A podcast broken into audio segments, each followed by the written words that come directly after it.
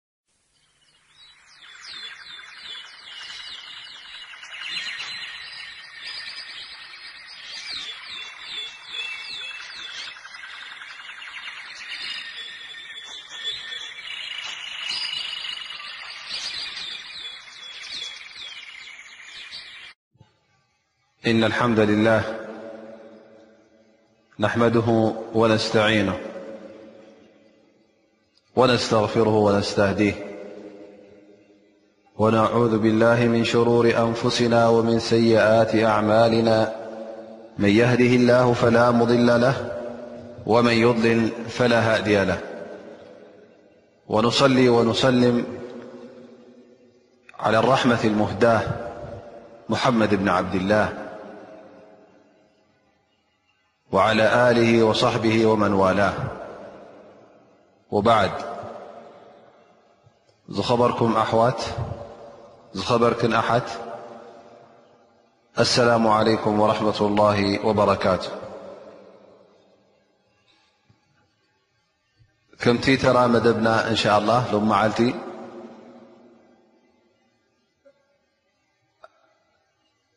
حديث مبل عسرمنت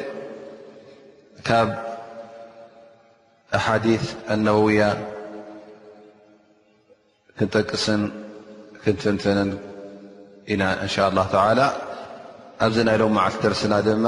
الله سبحانه وتعالى بدفن حج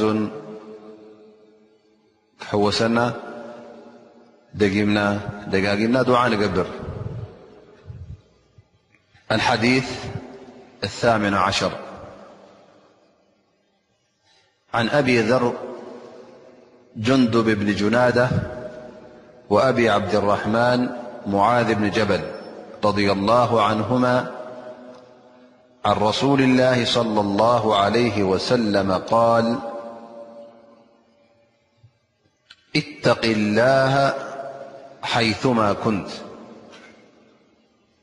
الله حيثما كنت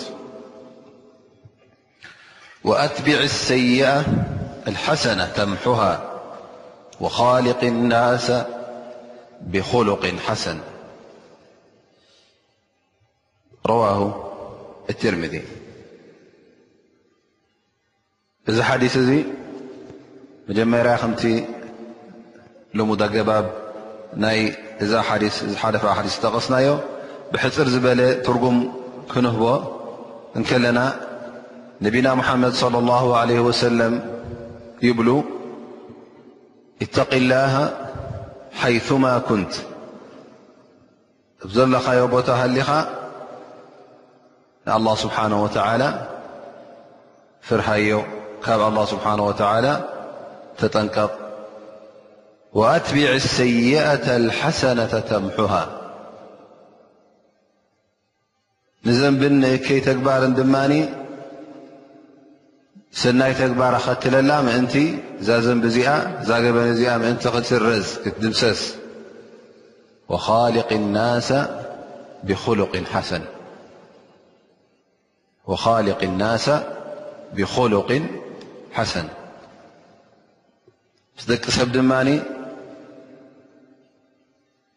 ብሰናይ ጠባይ ብሰናይ ስነ ምግባር ጌርካ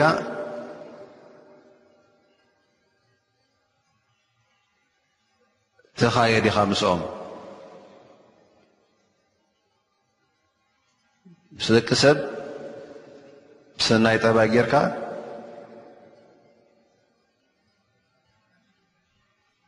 ተራኸብ እዚ እዩ እቲ ሕፅር ዝበለ ትንተና ናይዚ ሓዲስ እዚ ን ናይዚ ሓዲስ እዚ እንሻ ላ ሕጂ ኣኸትልና ወይ ከዓ ኣስዒብና እዚ ሓዲስ እዚ ትሕዝቶናቱ ክንትንትን ኢና እቲ ንረኽቦ ካብዚ ሓዲስ እዚ ድማ ቀንዲ ቀንዲ ፋይዳታት እንሻ ላ ክንጠቅስ ኢና ብእዝኒ ላ ስብሓን ወተላ እዚ ሓዲስ እዚ ካብቲ ኣገደስቲ ወይ ከዓ ኣገዳሲ ዝኾነ ኣሓዲስ ነቢ صለ ላሁ ለ ወሰለም እዩ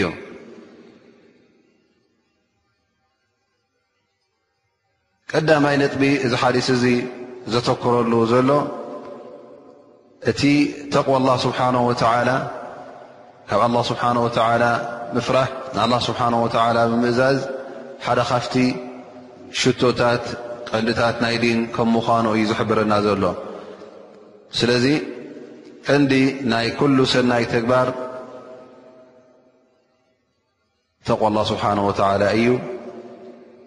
ከምኡ ውን እዚ ተቕዋ እዚ ሕድሪ ኣላ ስብሓን ወተዓላ ነቶም ዝሓለፉን ነቶም ዝተረፉን ነቶም ቀዳሞትን ነቶም ዝሰዓቦም ፍጡራት ኣላ ስብሓን ወተዓላ ካብ ኣላ ስብሓን ወተዓላ ዝወሃቦም ዝነበረ ሕድሪ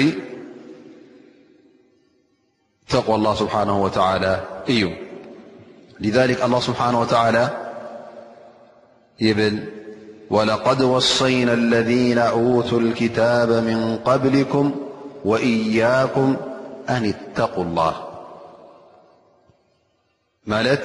ብርግጽ ንሕና ነቶም ቅድሜኹም ክታብ ዘውረድናሎምን ከምኡ ውን ንዓኹምን ንኣላ ስብሓን ወተላ ተቕዋ ንኽትገብሩ ንኣላ ስብሓን ወላ ንኽትፈርሁ ንኣላ ስብሓን ወላ ንኽትምእዘዙ ለበዋ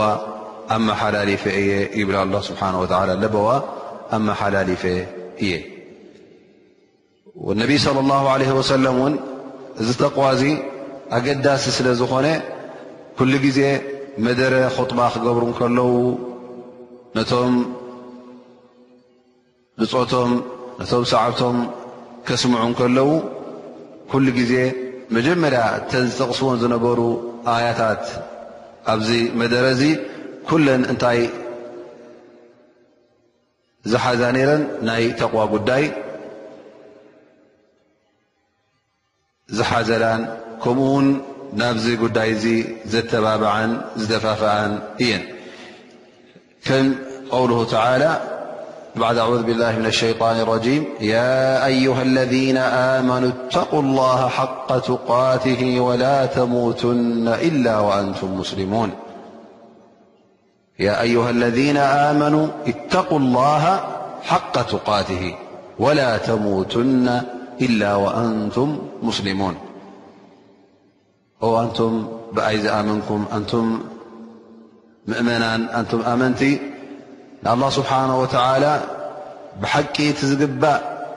وى جب فرهت الله سبحانه وتعالى ፍርህዎ ኢኹም ወላ ተሙቱና ኢላ ወኣንቱም ሙስሊሙን ኩሉ ግዜ ከዓ ካብቲ እስልምናኹም ካብቲ ዲንኩም ፈልከት ክትብሉ የብልኩምን ቀጥ ደኣ በሉ ኢኹም ክሳዕታ መዓልቲ ሞትኩም ትመፅእ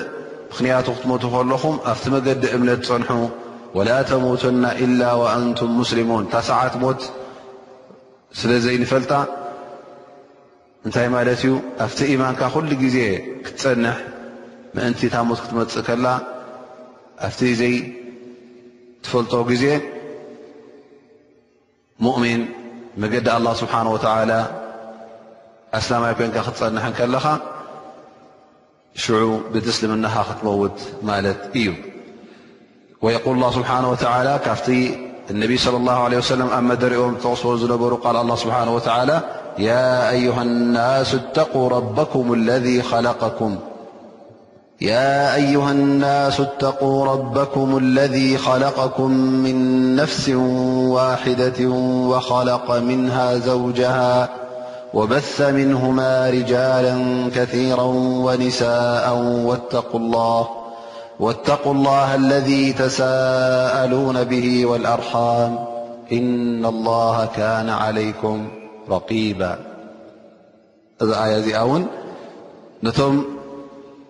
ምእመናን ጥራይ ኣይኮነትን ትጽውዕ ዘላ እንታይ ደኣ ያ ኣዩሃ ናስ ኢሉ ኣላ ስብሓን ወተላ ጀሚሮ ኩሎም ደቂ ሰብ ማለት እዩ ኣንቱም ኩለኹም ሰባት ኦ ኣንቱም ሰባት እተቑ ረበኩም ነቲ ጎይታኹም ፍርህዎ ነቲ ጎይታኹም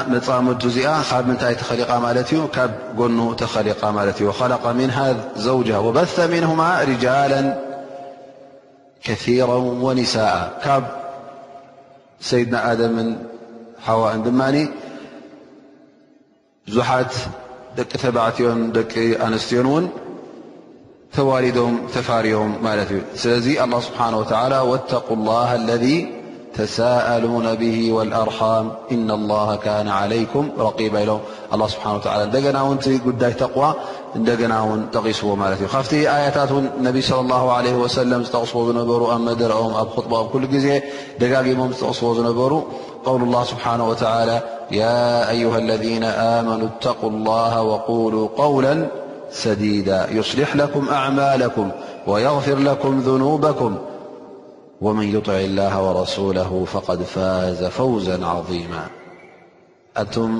ምእመናን ንኣላ ስብሓን ወተላ ፍርሁ ካብ ኣላ ስብሓን ወተላ ተጠንቀቑ ወቁሉ ቀውላ ሰዲዳ እቲ ካል ትዛረብዎ ንትመልሓስኩም ዝወፅእ እውን ኩሉ ግዜ ቕኑዕ ዘረባ እሩም ዘረባ ደኣ ይኹን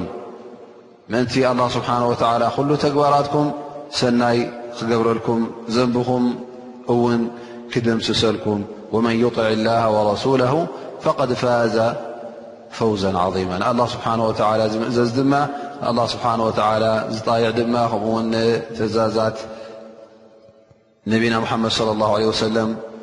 ዝቕበል ድማ እዚ እቲ ብሓቂ ዕዉት ዓብዪ ዓወት ዝጭብጥ ኢሎ ኣላ ስብሓንሁ ወተላ እዘን እዚ ሓዲስ እዚ ነዛ ጉዳይ ናይ ተቕዋ ንዓኣ ብጣዕሚ ኣገዲሱ እዩ ዝሕብረና ዘሎ ማለት እዩ ካልኣይቲ ነጥቢ እዛ እዚ ሓዲስ እዚ እውን ዘተኩረላ ዘሎ ሓደ ካብቲ ሽቶታት እዚ ዲናዚ እውን ምስ ደቂ ሰብ ብሰናይ ጠባይ ብሰናይ ስነ ምግባር ክትቀራረብ እዩ ዝሕብር ዘሎ ማለት እዩ ሑስነል ኹሉቕ ዝበሃል ኻልቅ ናሳ ብኹሉቅ ሓሰን ዝብ ዘሎ እነቢ ለ ለ ወሰለም ነቶም ኩሎም ሰባት ኩሉ ግዜ ርክብካ ምስኦም ክትፍጽም እንከለኻ እቲ ርክብካ ኩሉ ግዜ ብጥዑም ሰናይ ስነ መግባር ክኸውን ኣለዎ ምኽንያቱ እዚ ሰናይ ጠባይ ሰናይ ስነ መግባር ነቲ እማ ዝኣሳስር ዝጠማምር ስለ ዝኾነ ኣብ መንጎ እዚ እማ እዚ እውን ፍቕርን ስኒትን ዘስፍን ስለ ዝኾነ ከምኡ ውን ሓደ ካብቲ ኣላ ስብሓን ወተዓላ ዝፈትዎ ተግባራት ስለ ዝኾነ ደረጃኻ ክብ ዝብለሉን ናብ ኣላ ስብሓን ወተዓላ እተቐርበሉን ኣላ ስብሓን ወተዓላ ዝፈትዎን ተግባር ስለ ዝኾነ እዚ ነገር እዚ እነቢ ስለ ላሁ ዓለ ወሰለም ኣብዚ ሓዲስ እዚ ጠቒሶሞ ማለት እዩ ምእንቲ ንሕና ብግብሪ ከነውዕሎ ኢዘን ክልተ ነገራት እዩ እዚ ሓዲስ እዚ ጠቢርዎን ዘሎ እሰን ከዓ ጉዳይ ተቕ ላ ስብሓን ወተላ ቀዳመይቲ ካልኣይቲ ከዓ ጉዳይ ሕስነ ልክሉቕ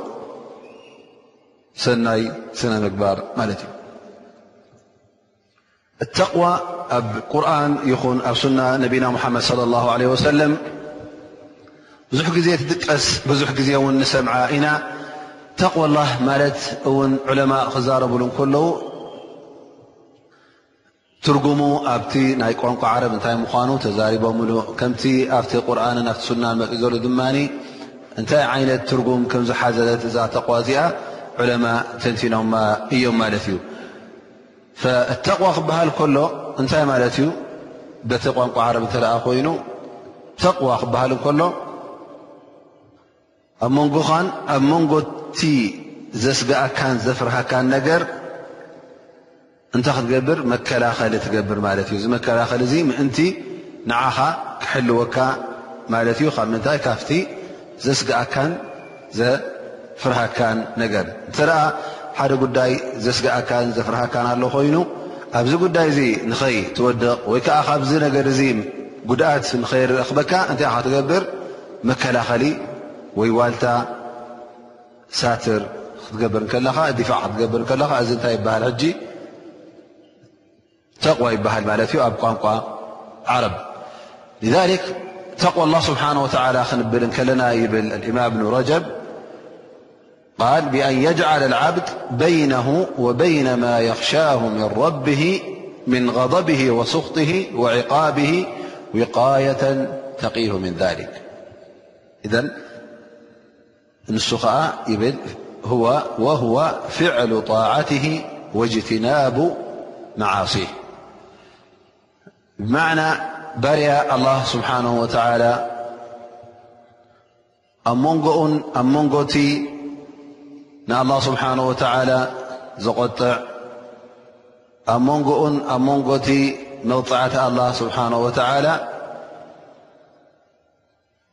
እንታይ ይገብር መከላኸሊ ይገብር ማለት እዩ ዋልታ ይገብር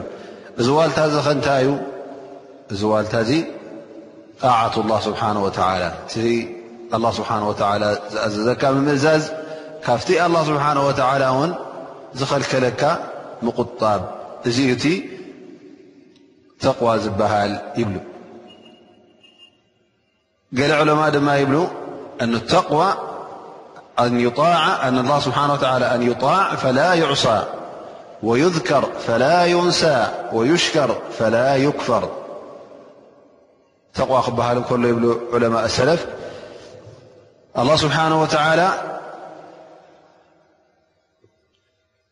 ትእዛዛቱ ክትግበር ዝኸልከለካ ክትክልከል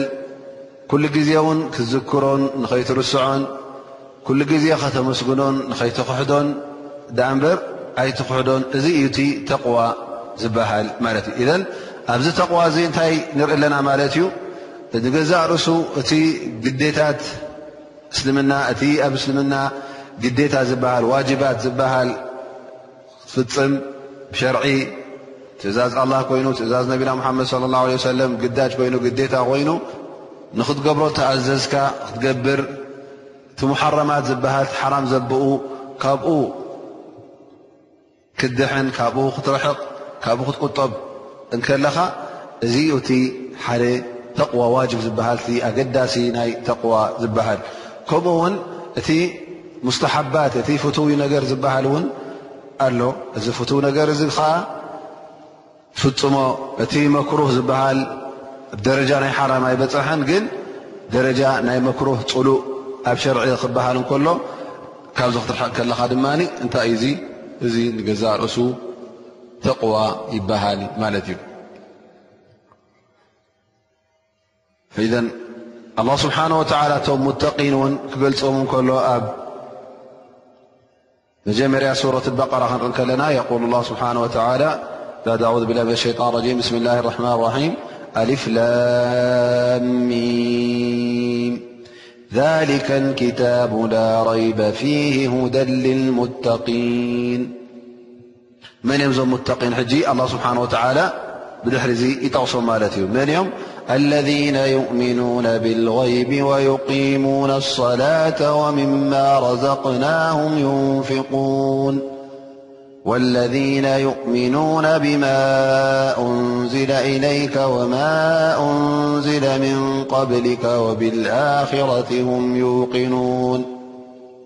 ኣላ ስብሓን ወተዓላ እዞም ሙተቒን ዝበሃሉ ኣብዛ ኣያ እዚኣ ንመን ጠቒሱ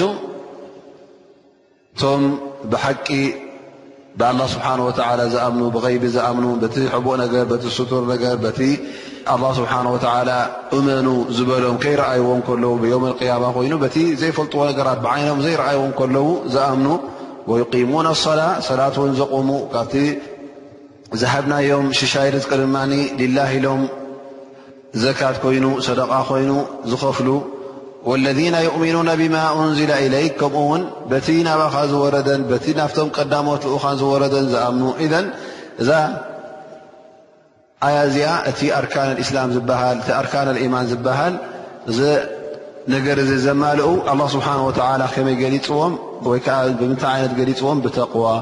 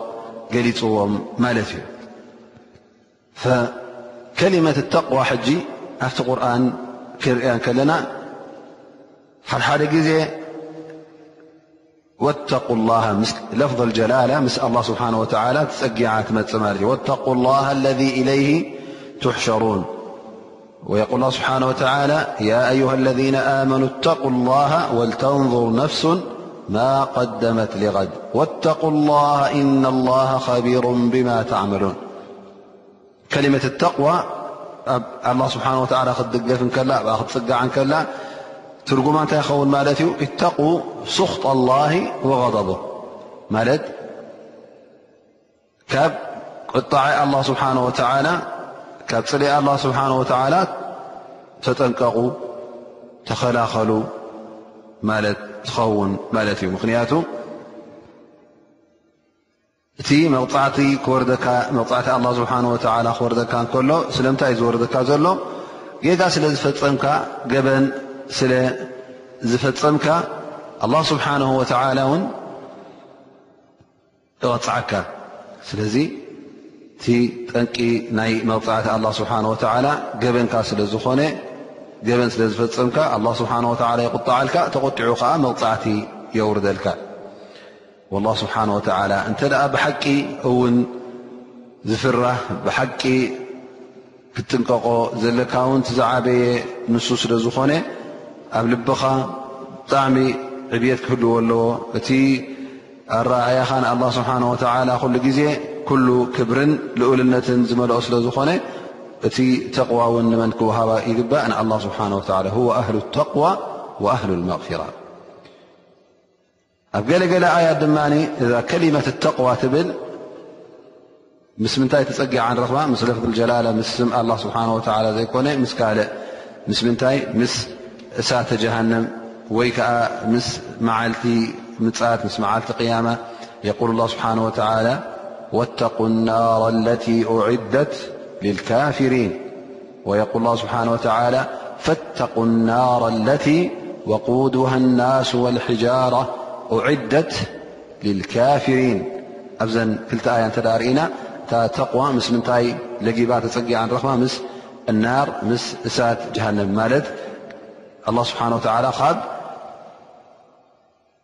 እሳት ጀሃነም ነቶም ካሓቲ ተዳልያ ዘላ ካብኣ ተጠንቀቑ እዩ ዝብል ዘሎ ኣላ ስብሓን ወተዓላ ምኽንያቱ እዛ እሳት እዚኣ ንመን እያ ተዳልያ ነቶም ካሓቲ መቃፀሊኣን መናደዲኣን ከዓ መን እዮም መጓህርቲ ናይዛ እሳት እዚኣ ደቂ ሰብን እእማንን እዮም ካብዛ እሳት እዚኣ ተጠንቀቑ እዩ ዝብል ዘሎ ፈተቕዋ ክበሃል ከሎ እዚ ከዓ ሕጂ እንታይ ማለት እዩ ኣብ መንጎኻን ኣብዚ ኣብ መንጎኻን ኣብ መንጎ እሳት ጀሃነም መከላኸሊ ትገብር ማለት እዩ እንታይ እቲ መከላኸሊ ትእዛዘ ኣላ ስብሓን ወተላ ምቕባል ብምእዛዝ ይኸውን ማለት እዩ ወየቁል ላ ስብሓን ወተላ ወተቁ የውመ ትርጃዑነ ፊ ኢላ ላ ወተቁ የውመን ትርጃዑና ፊ ኢላ ላ እዚኣ ከዓ መዓልቲ ቅያማ ማለት እዩ ካብ መዓልቲ ቅያማ እውን ተጠንቀቑ እታ ናብ ኣላ ስብሓን ወተዓላ ትምለሱላ መዓልቲ እዛ መዓልቲ እዚኣ ኣስጋኢትን ኣፍራሂትን ስለ ዝኾነት ነዛ መዓልቲ እዚኣ ፍርህዋ ኢኹም ኣብ መንጎ እዛ መዓልቲ እዚኣን ኣብ መንጎ ኹምን መከላኸሊ ግበሩላ እዚ መከላኸሊ እዚ ከዓ ሰናይ ተግባር ይኸውን ማለት እዩ ፈኢዘን ተቕዋ ንገዛእ ርእሱ ሕጂ ዓብዪ ነገር ከም ምዃኑ ምስቲ ኣላ ስብሓን ወተዓላ ዝደልዮ ኻባና ምስኡ እተኣሳሰረ ከም ምዃኑ ይበርሃልና ማለት እዩ ዛሊክ ብልፀት ናይ ተቕዋ ኣብ ቁርን ይኹን ኣብ ሱና ነቢ ለ ላ ለ ወሰለም ክንሪኦ እንተ ደኣ ኮይንና ዓብዪ ብልፀት እዩ ዘለዎ ተወዳዳሪ ዘይብሉ ብልፀት ከም ዘለዎ ይበርሃልና ማለት እዩ። ቀዳማይ ነገር እቲ ተቕዋ ወይ ከዓ እቶም ሙተቒን እቶም ኣብ ልቦም ተቕዋ ዘለዎም ንሶም ነዛ ወይ ከዓ ነታ ጀና ዝወርሱ ከም ምዃኖም ኣላ ስብሓን ወተዓላ ሓቢሩና እዩ ፈልጀነቱ የሪቱሃ ልሙተቁን ጀና መን እዮም ዝወርስዋ እቶም ሙተቒን እቶም ተቕዋ ዘለዎም لم فرح رب يقول الله سبحانه وتعالى تلك الجنة التي نورث من عبادنا من كان تقيا ك قوى لفت محبة الله سبحانه وتالىاللهسحانهوتى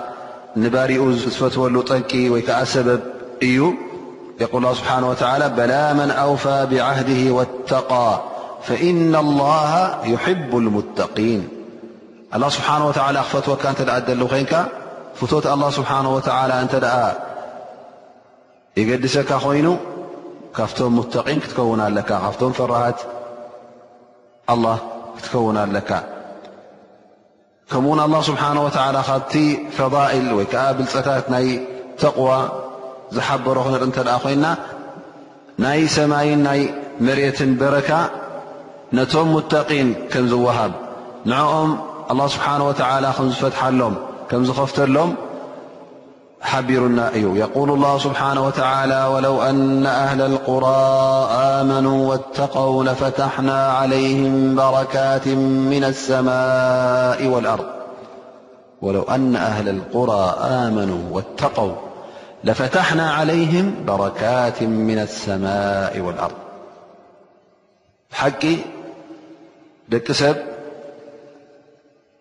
እምነትን ተቕዋን ነይርዎም እንተዝኸውን እንተዝኣምኑ ብሓቂ ብ ኣላ ስብሓን ወተዓላ ካብ ኣላ ስብሓን ወተዓላ እውን ብደንቢ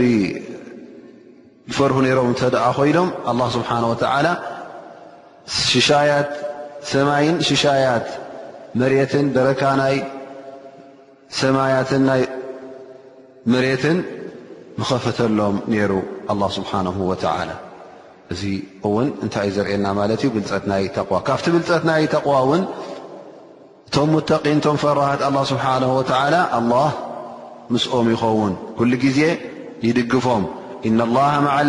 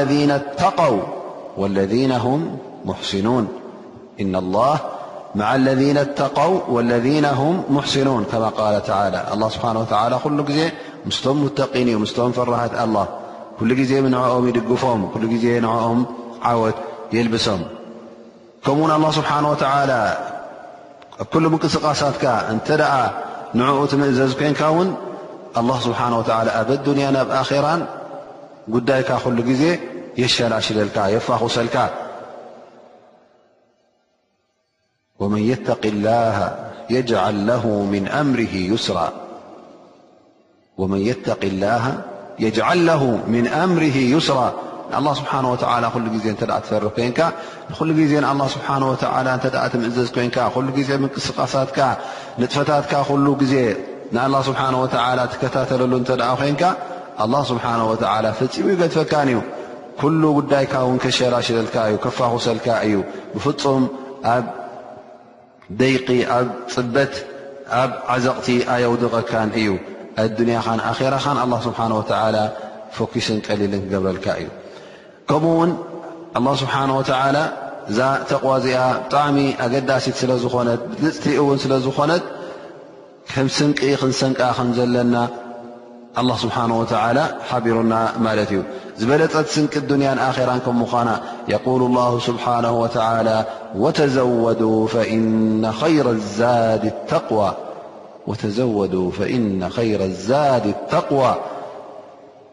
ስነቁ ስንቂ እቲ ዝበለፀ ስንቂ ድማ እንታይ እዩ ተቕዋ ላ ስብሓን ወተላ ፍርሃት ኣላ ስብሓን ወተላ እዩ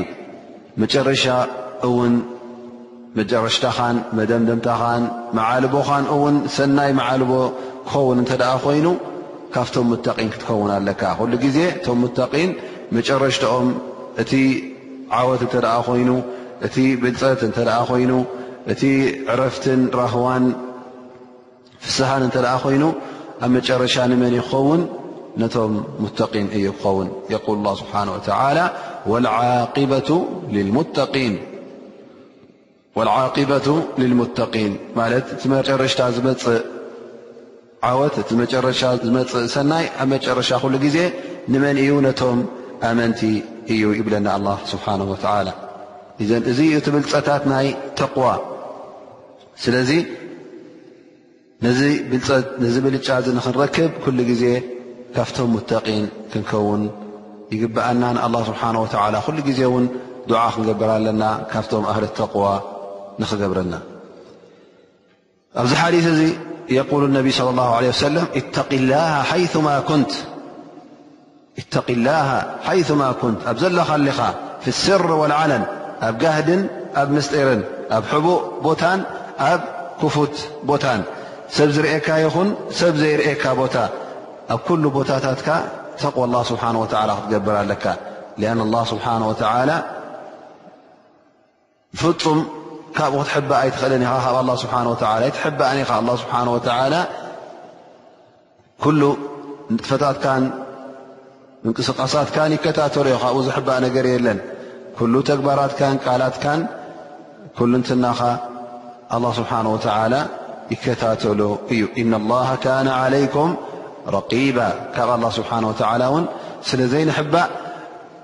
ኢዘን እንታይ ክንከውን ኣለና ማለት እዩ ኣብ ኩሉ መዳያትና ኣብ ኩሉ ምንቅስቓሳትናስ ካብ ተቕዋ ክንርሕቕ የብልናን ኣብ ጋህድናን ኣብ ምስጢርናን ኣብ ሕቡእናን ኣብ ጉልህናን ኩሉ ግዜ እቲ ዘገድሰና ንዓና ወዲ ሰብ ኣይኮነን እንታይ ደኣ ኣላ ስብሓን ወተዓላ እዩ ኣብቲ ኣላህ ስብሓን ወተዓላ ዝርእካ ቦታ ኩሉ ግዜ ክትሓፍሮ ኣለካ ሓያ ክትገብር ኣለካ ካብ ኣላ ስብሓን ወተዓላ ካብኡ እውን ክትሕባእ ኣይትኽእልን ኢኻ ስለዚ ኣብ ዘለኻሊኻ ንኣላ ስብሓን ወተዓላ ተማእዘዝ ካብ ኣላ ስብሓን ወተዓላ እውን ተጠንቀቕ እንተ ደኣ ሓደ ሰብ ኣብ ጋህዱ ካልእ፣ ኣብ ምስጢሩ ኣብ ሕቡኡ ካልእ እንተ ደኣ ኮይኑ፣ እዚ እንታይ እዩ ዘርእየና ዘሎ ማለት እዩ? ገና ልቢ ከም ዘይጸረየ፣ ሕማም ልቢ ከም ዘለዎ እዚ ሰብ እዚ ምልክት ናይ ኒፋቕ እውን ከም ዘለዎ እዩ ዘርእየና ዘሎ። ምኽንያቱ። እንተ ደኣ ካብ ሰብ ትሕባእ ጌጋ ክትገብር እንከለኻ ግን ካብ ኣላ ስብሓን ወተዓላ ዘይትሕባእ እንተ ደኣ ኮይንካ ኣብ ቅድሚ ሰብ ፅቡቕ ትረአ ሰናይ ክትገብር ትረአ ፈራህ ረቢ ትመስል ግን ሰብ ዘይብሉ ቦታ በይንኻ ትከውን ከለኻ ግን እንዳ ዕዲዕካ ነቲ ሓራም ከምድላይካ ክትፍፅሞ ከለኻ እዚ እንታይ እዩ ዝርእየና ዘሎ ጌና እታ ልቢ ከም ዘይፀረየት ጉድለት ናይ ኢማን ከም ዘሎ እዩ ዝርእየና ዘሎ ማለት እዩ እዚ ሕጂ ካብቲ ጠባያት ካብቲ ምልክታት ናይ ኣህለ ኒፋቅ ናይቶም ኣብ ልቦም ኒፋቅ ዘለዎም እቶም ኣላ ስብሓን ወተላ ክገልፆም እንከሎ ኣብ ቁርን የስተኽፉነ ምና ናሲ ወላ የስተኽፉነ ምና ላህ ዝበሎም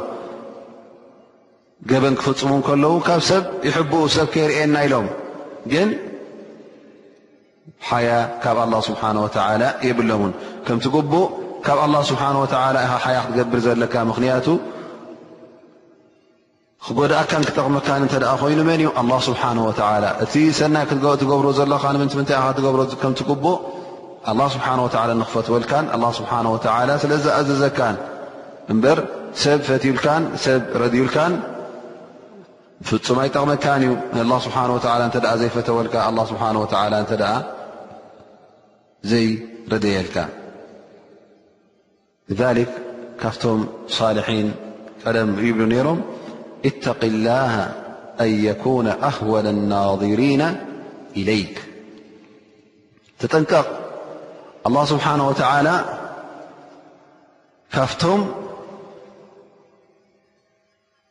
ኣህወን ናظሪን ክበሃል እንከሎ ማለት ኣላ ስብሓን ወተላ ይርእካ እዩ ከምኡ እውን ደቂ ሰብ ይርእኻ እዮም ስለዚ ነቶም ደቂ ሰብ ኣኽቢርካ እሞ ኸዓ ኣብ ሕማቕ ቦታ ሕማቕ ተግባር እናገበርኩ ከለኹ ከይርእኒካ ካብኦም ትሕባእ ግን ኣላ ስብሓን ወተላ ሕማቕ እናገበርኩ ከለኹ ከይርእየኒ ኢልካ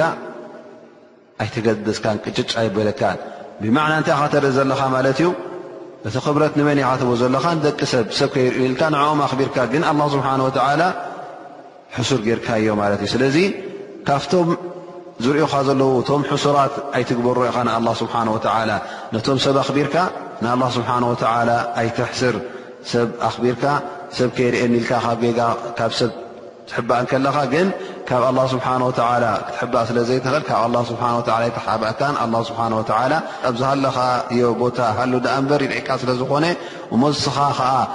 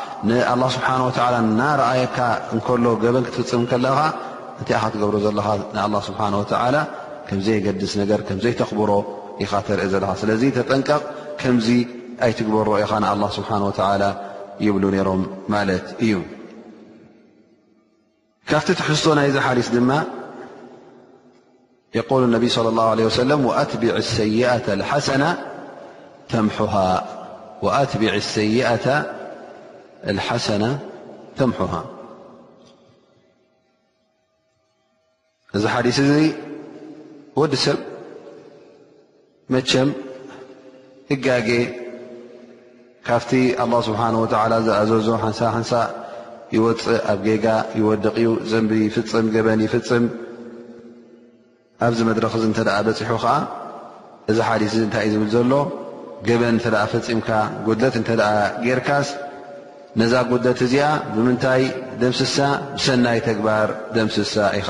ምኽንያቱ እዚ ሰናይ ተግባር እዚ ነታ እከይ ነታ ግበን እቲኣ ይደምስሳ እዩ እዚ እውን ኣብ ቁርን ንረኽቦ ማለት እዩ የቁል ላ ስብሓን ወተላ ኣቅም ሰላተ ጠረፈይ ነሃር ወዙለፈ ምና ለይል እና ሓሰናት ዩዝህብና ሰይኣት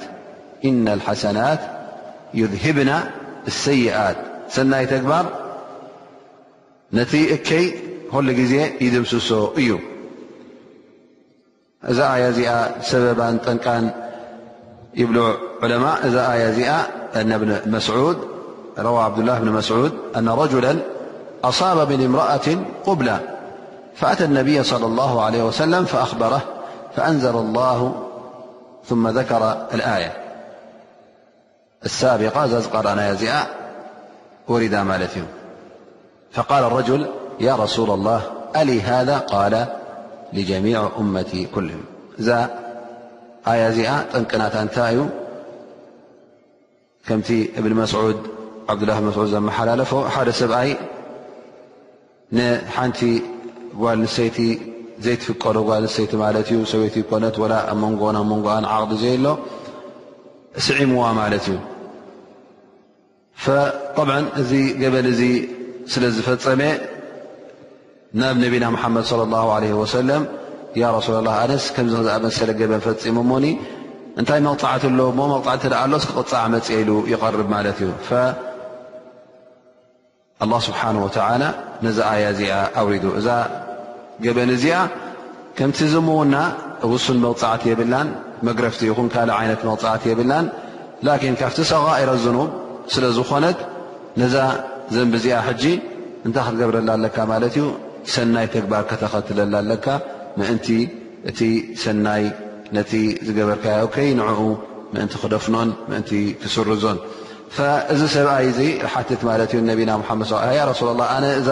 ዝወረደት ኣያ ንዓይ ጥራይ ድያ እዛ ዝገበርክዋ ገበን ንሳ ድያ ጥራይ ንክድምዘዝ ብኣይ ምክኒት ወሪዳ ላ እሞ ንዓይ ጥራይ ድያ ይብል ማለት እዩ ነቢ ለ ላ ለ ሰለም ኣይኮነን እዚ ኣያ እዚኣ ንጀሚዕ እመተይ ንኩሎም ንህዝበይ ንሰዓብተይ እያ ከምዚ እስኻ ዝገበርካያ ገበን ዝፈጸመ እንተ ኣሎ ኮይኑ እዚ ከም ዝኣመሰለ ገበናት እዚ ዘንብታት እዚ ብእስትቕፋር ይኹን ወይ ከዓ ብሰናይ ተግባር ገርካ ከተኸትሎ እንከለኻ ትስርዞን ትድብስሶን ማለት እዩ እዘን እዞም ሙተቒን ኩሉ ግዜ ኣላ ስብሓን ወተላ ክገልፆም እንከሎ እንተ ደኣ ኣብ ጌጋ ወዲቖም እንተ ደኣ ገበን ፈፂሞም ናበኦም ዝጓዩ ነይሮም ተጓዮም ናብ ኣላ ስብሓን ወተላ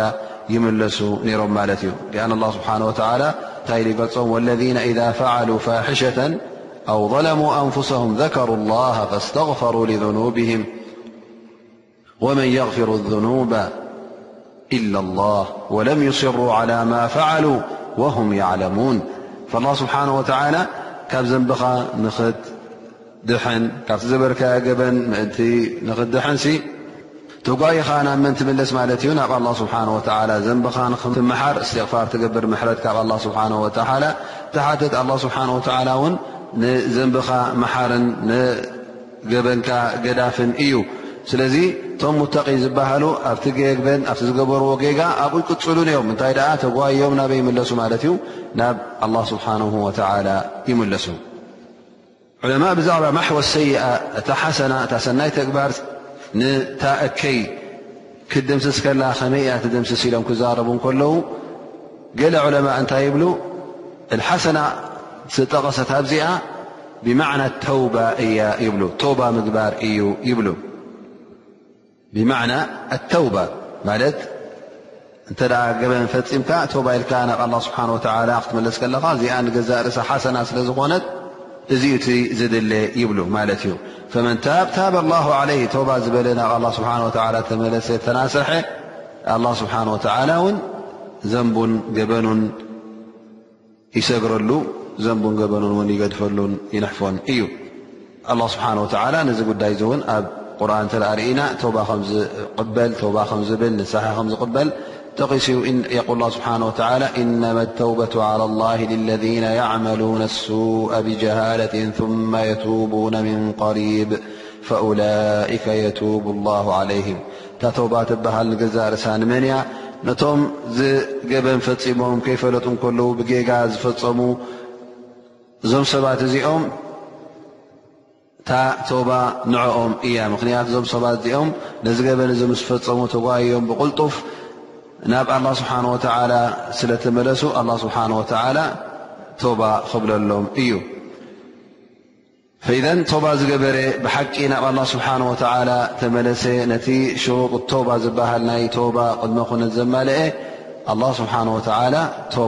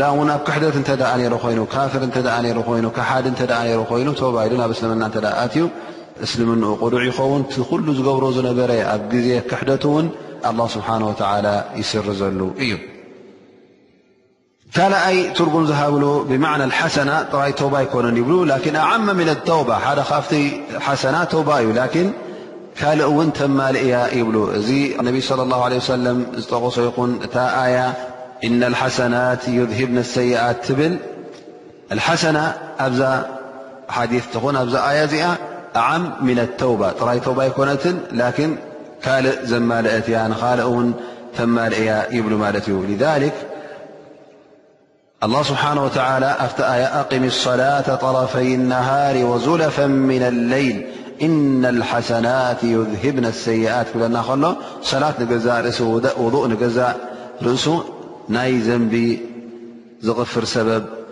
ك نب غفرلك سبب كم ن مس زحبرن ل ال أحاديث ت خ ين عن أبي هريرة عن النبي صلى الله عليه وسلم-قال ألا أدلكم على ما يمح الله به الخطايا ويرفع به الدرجات قالوا بلا يا رسول الله قال إسباغ الوضوء على المكاره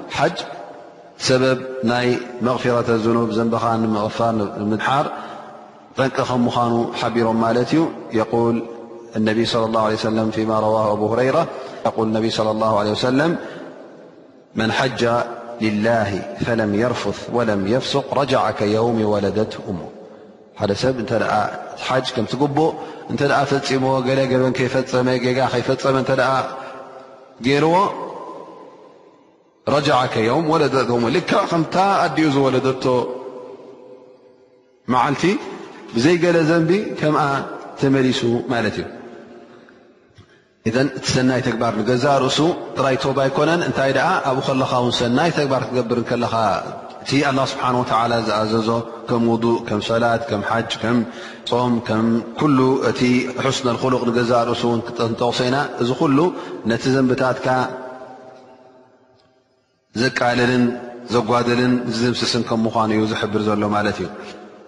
ላኪን ዓጣእ የል ኣማል ሳሊሓ ተምሑ ሰغኢሩ ፈቀጥ እዚ ክንብል እንከለና እቲ ሰናይ ተግባር ዘንብታት ይድምስስ ዩ ክንብል እንከለና እቲ ንኣሹ ዘንብታት ጥራዩ ሰቓኢረ ኑብ ጥራዩ ዝድምሰስ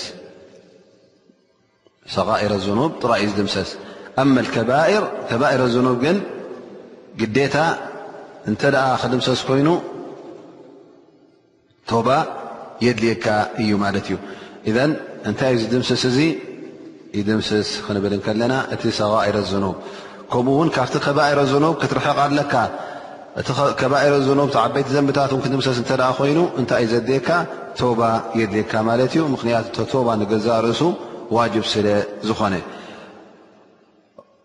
ይብሉ ስለምንታይ እዚ ነገር እዚ ኢልና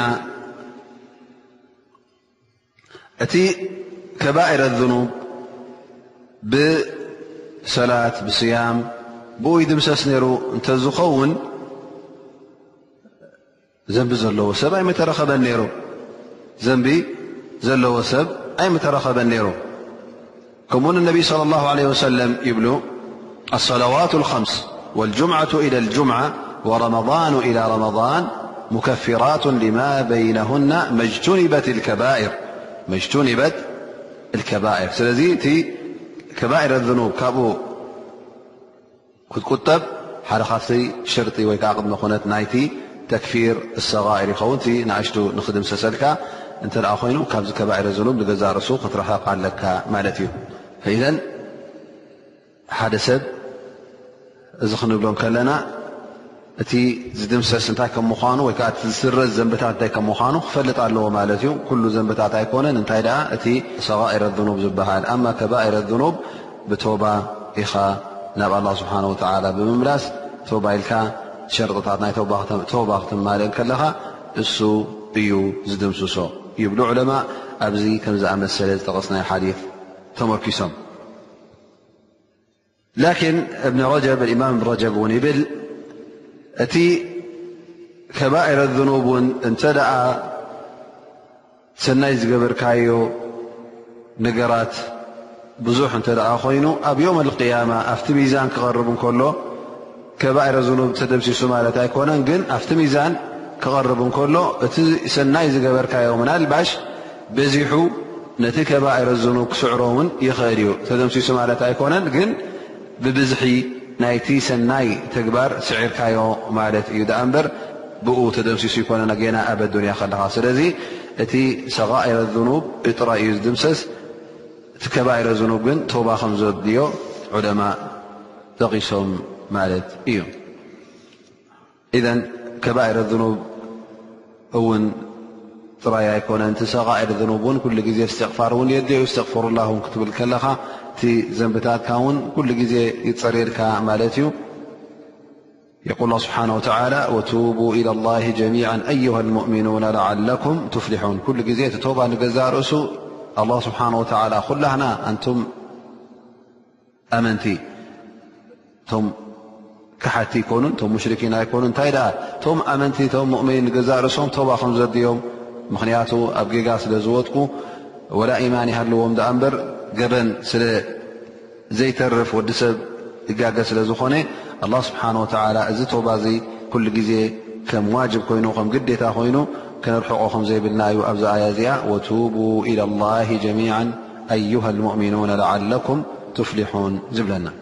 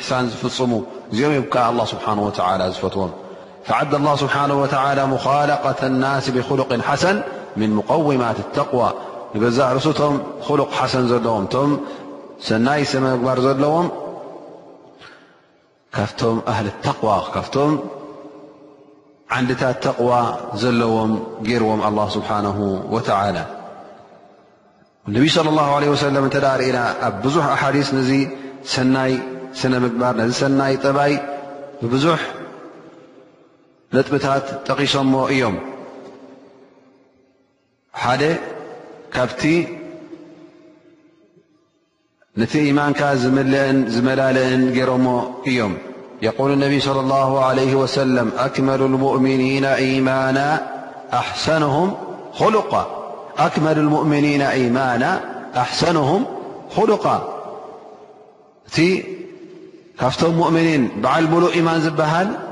መን እዩ? ኣሕሰንሁም ኹሉቃ እቲ በዓል ሰናይ ጠባይ ይብሉ ነቢይ ለ ላሁ ለ ወሰለም በል እቲ በዓል ሰናይ ጠባይ ምናልባሽ ኣብ ሰላቱ ጉድለት ይህልዎ ይኸውን ኣብ ፆሙን ኣብ ካልእ ናይ ዒባዳ ተግባራት ጉድለት ይሃልዎ ይኸውን ግን ብሰናይ ጠባዩ ደረጃ ናይዞም ዑባድ ናይዞም ኣምለኽቲ ንኣላ ስብሓን ወተዓላ ለይትን መዓልትን ዝሰግዱን ዝፆሙን ደረጃ ናቶም ክበፅሕ ይኽእል ከም ምዃኑ እውን እነቢይ ስለ ላ ለ ወሰለም ጠቒሶም የቁሉ ነቢይ ስለ ላ ለ ወሰለም እነ ልሙእሚና ለዩድሪኩ ብሑስኒ ክሉቅሂ ደረጃት ሳኢሚ ልቃእም ሙእሚን ምናልባሽ በቲ ሰናይ ተግባራቱ ደረጃ ናይ መን ናይቶም ጸወምትን ናይቶም ሰገድትን ደረጃ ይበጽሕ እዩ ብምንታይ ብሰናይ ጠባዩ ይብሉ እነቢ صለ ላه ለ ወሰለም በል ኣብ የውም ቅያማ እቲ ዝኸበደ ሚዛን ዘለዎ ሰናይ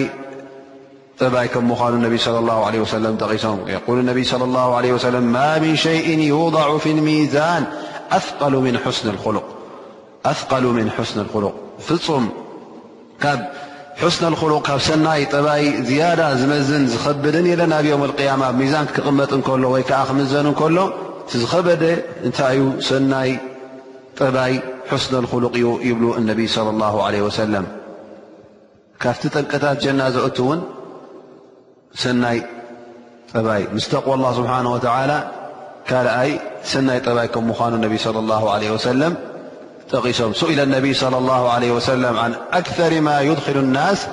ጀና ነቢ ለ ላ ለ ወሰለም ተሓቲቶም እዮም ቶም ሰዓብቶም ቶም ብፆቶም ሓቲቶሞም ያ ረሱላ ላ እንታይ እዩ መብዝሕቱ ንወዲ ሰብ ዝበዝሐ ተግባራት ንጀና ዘእትዎ ኢሎም ምስ ሓተቱ ነቢይ صለ ላሁ ለ ወሰለም ተቕዋ ላህ ወሑስነ ልኹሉቕ ኢሎም ተቕዋ ላህ ወሑስነ ልኹሉቕ ዝበለፀንቲ ዝበዝሐን ንደቂ ሰብ ጀና ዘእትዎም ተቕዋ ላህ ካብ ኣላ ስብሓን ወተዓላ ምፍራህን ከምኡ እውን ሑስነ ልኹሉቕ ሰናይ ምግባርን ሰናይ ጠባይን እዮም ይብሉ ነቢይ صለ ላሁ ለ ወሰለም ፈኢዘን እቲ ሑስነል ኹሉቕ ቀሊል ነገር ኣይኮነን። ሑስነል ኹሉቕ ክበሃል እንከሎ ልግሲ ካብ ሑስነል ኹሉቕ እዩ። ምሃብ ንሰብ ተጨነቐ ምሃብ ንዓይ ከይበልካ ነፍስኻ ገዲፍካ ንኻልኦት ምዃን እዚ ካብ ሑስነል ኹሉቕ እዩ። ዝበደለካ ሰብ በዲሉኒ ኢልካ ብዘይ ምቁጣዕ ዘይ ምንዳር ዝበደለካ ውን ዘይምብዳል እንታይ ደኣ ምምሓር እዚ ኩሉ እንታይ ይኸውን ማለት እዩ ካብ ሑስነ ልክሉቕ ሑስነ ልክሉቕ እውን ኩሉ ግዜ ገፅካ ብሩህ ክፉት ማዕሩፍ ሰናይ ክትገብር ካብ ኢድካን ካብ መልሓስካን እውን ንሰብ ከተድሕን ማለት መልሓስካ ይኹን ብኢድካ ንሰብ ከይትጎድእ እዚ ኩሉ ሑስነ ልኩሉቕ እዘን ሕርቃን ነድሪ እዚ ኩሉ ካብ ጠባይ ካብ ሰናይ ጠባይ ኣይኮነን እንታይ ደኣ ሕማቕ ጠባይ እዩ ዝቑጸር ማለት እዩ። እንተ ደኣ ቅርሕንቲ ንሰብ ኣብ ልብኻ ዘይትሕዘሉ ወይ ከኣ ሱቕ ኢልካ ብንእሽተን ብዓብን ብኹሉ ዘይትቑጣዕ እንተ ደኣ ኮይንካ እዚ ኩሉ ሑስነል ኹሉቕ ይበሃል ማለት እዩ። ወላ እውን ሰብ በዲሉካ እንከሎ ወላ እውን እቲ ነገር ኣንጻርካ እተገበረ ኣሕሪቑካን ኣቖጢዑካን እንከሎ፣ እዚ ሕርቃን እዚ ጥራይ ኣብ ልብኻ ተሪፉ ብመልሓስካን ብኢድካን ብተግባርካን ናይዚ ሕርቃን እዚ እንተ ዘይርኣኻ እዚ ሕጂ ንገዛእ ርእሱ በዓል ጠባይ ከም ምዃንካ ዓብ ሰብ ከም ምዃንካ ተርኢ ኣለኻ ማለት እዩ።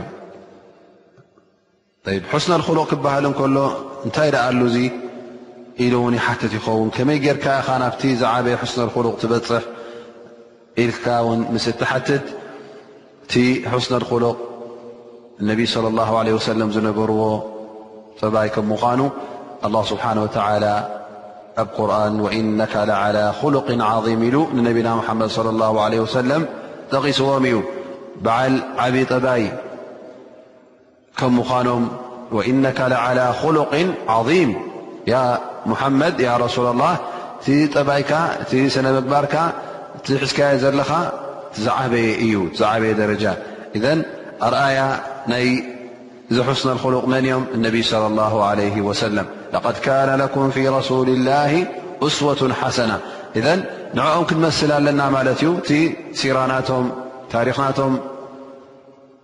ኣንቢብናን ቀሪእናን ተዓዚብናን ልክዕ ከምቲ ሶም ዝገብርዎ ዝነበሩ ነቢ صለ ላه ለ ወሰለም ምስ ደቂ ሰብ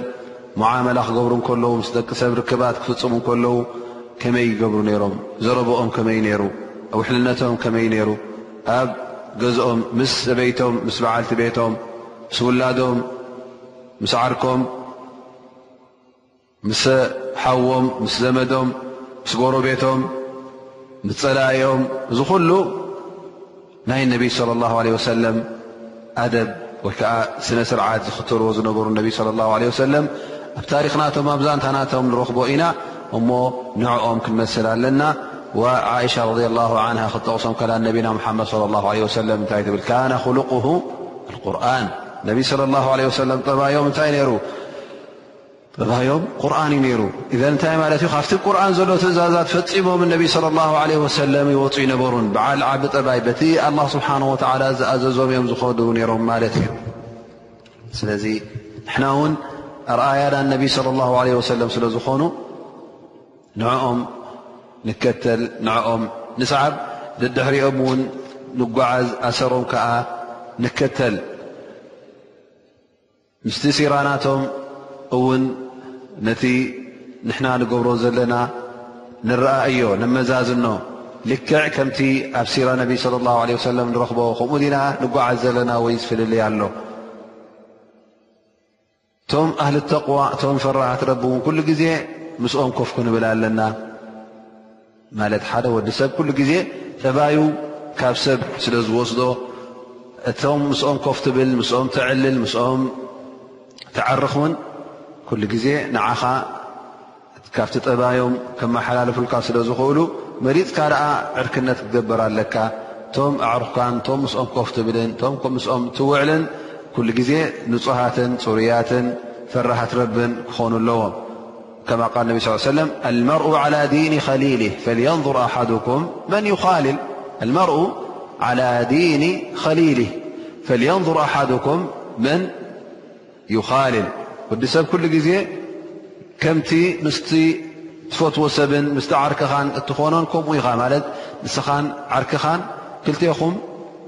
ሓደ መገዲ ሒዝኩም ኢኹም ትኸዱ።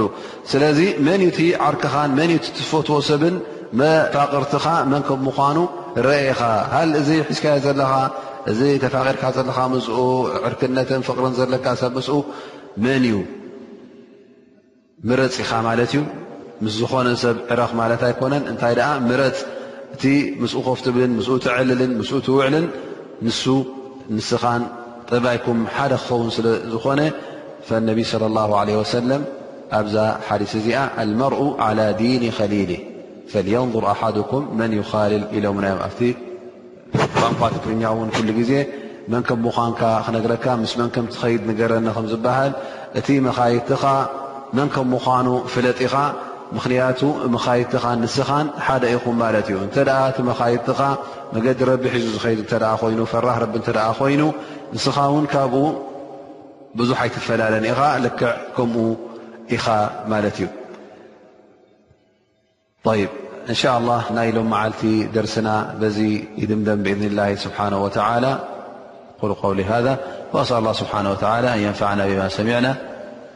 وأن يعلمنا ما ينفعنا وصلى الله على نبينا محمد وعلى له وصحبه وسلم أجمعين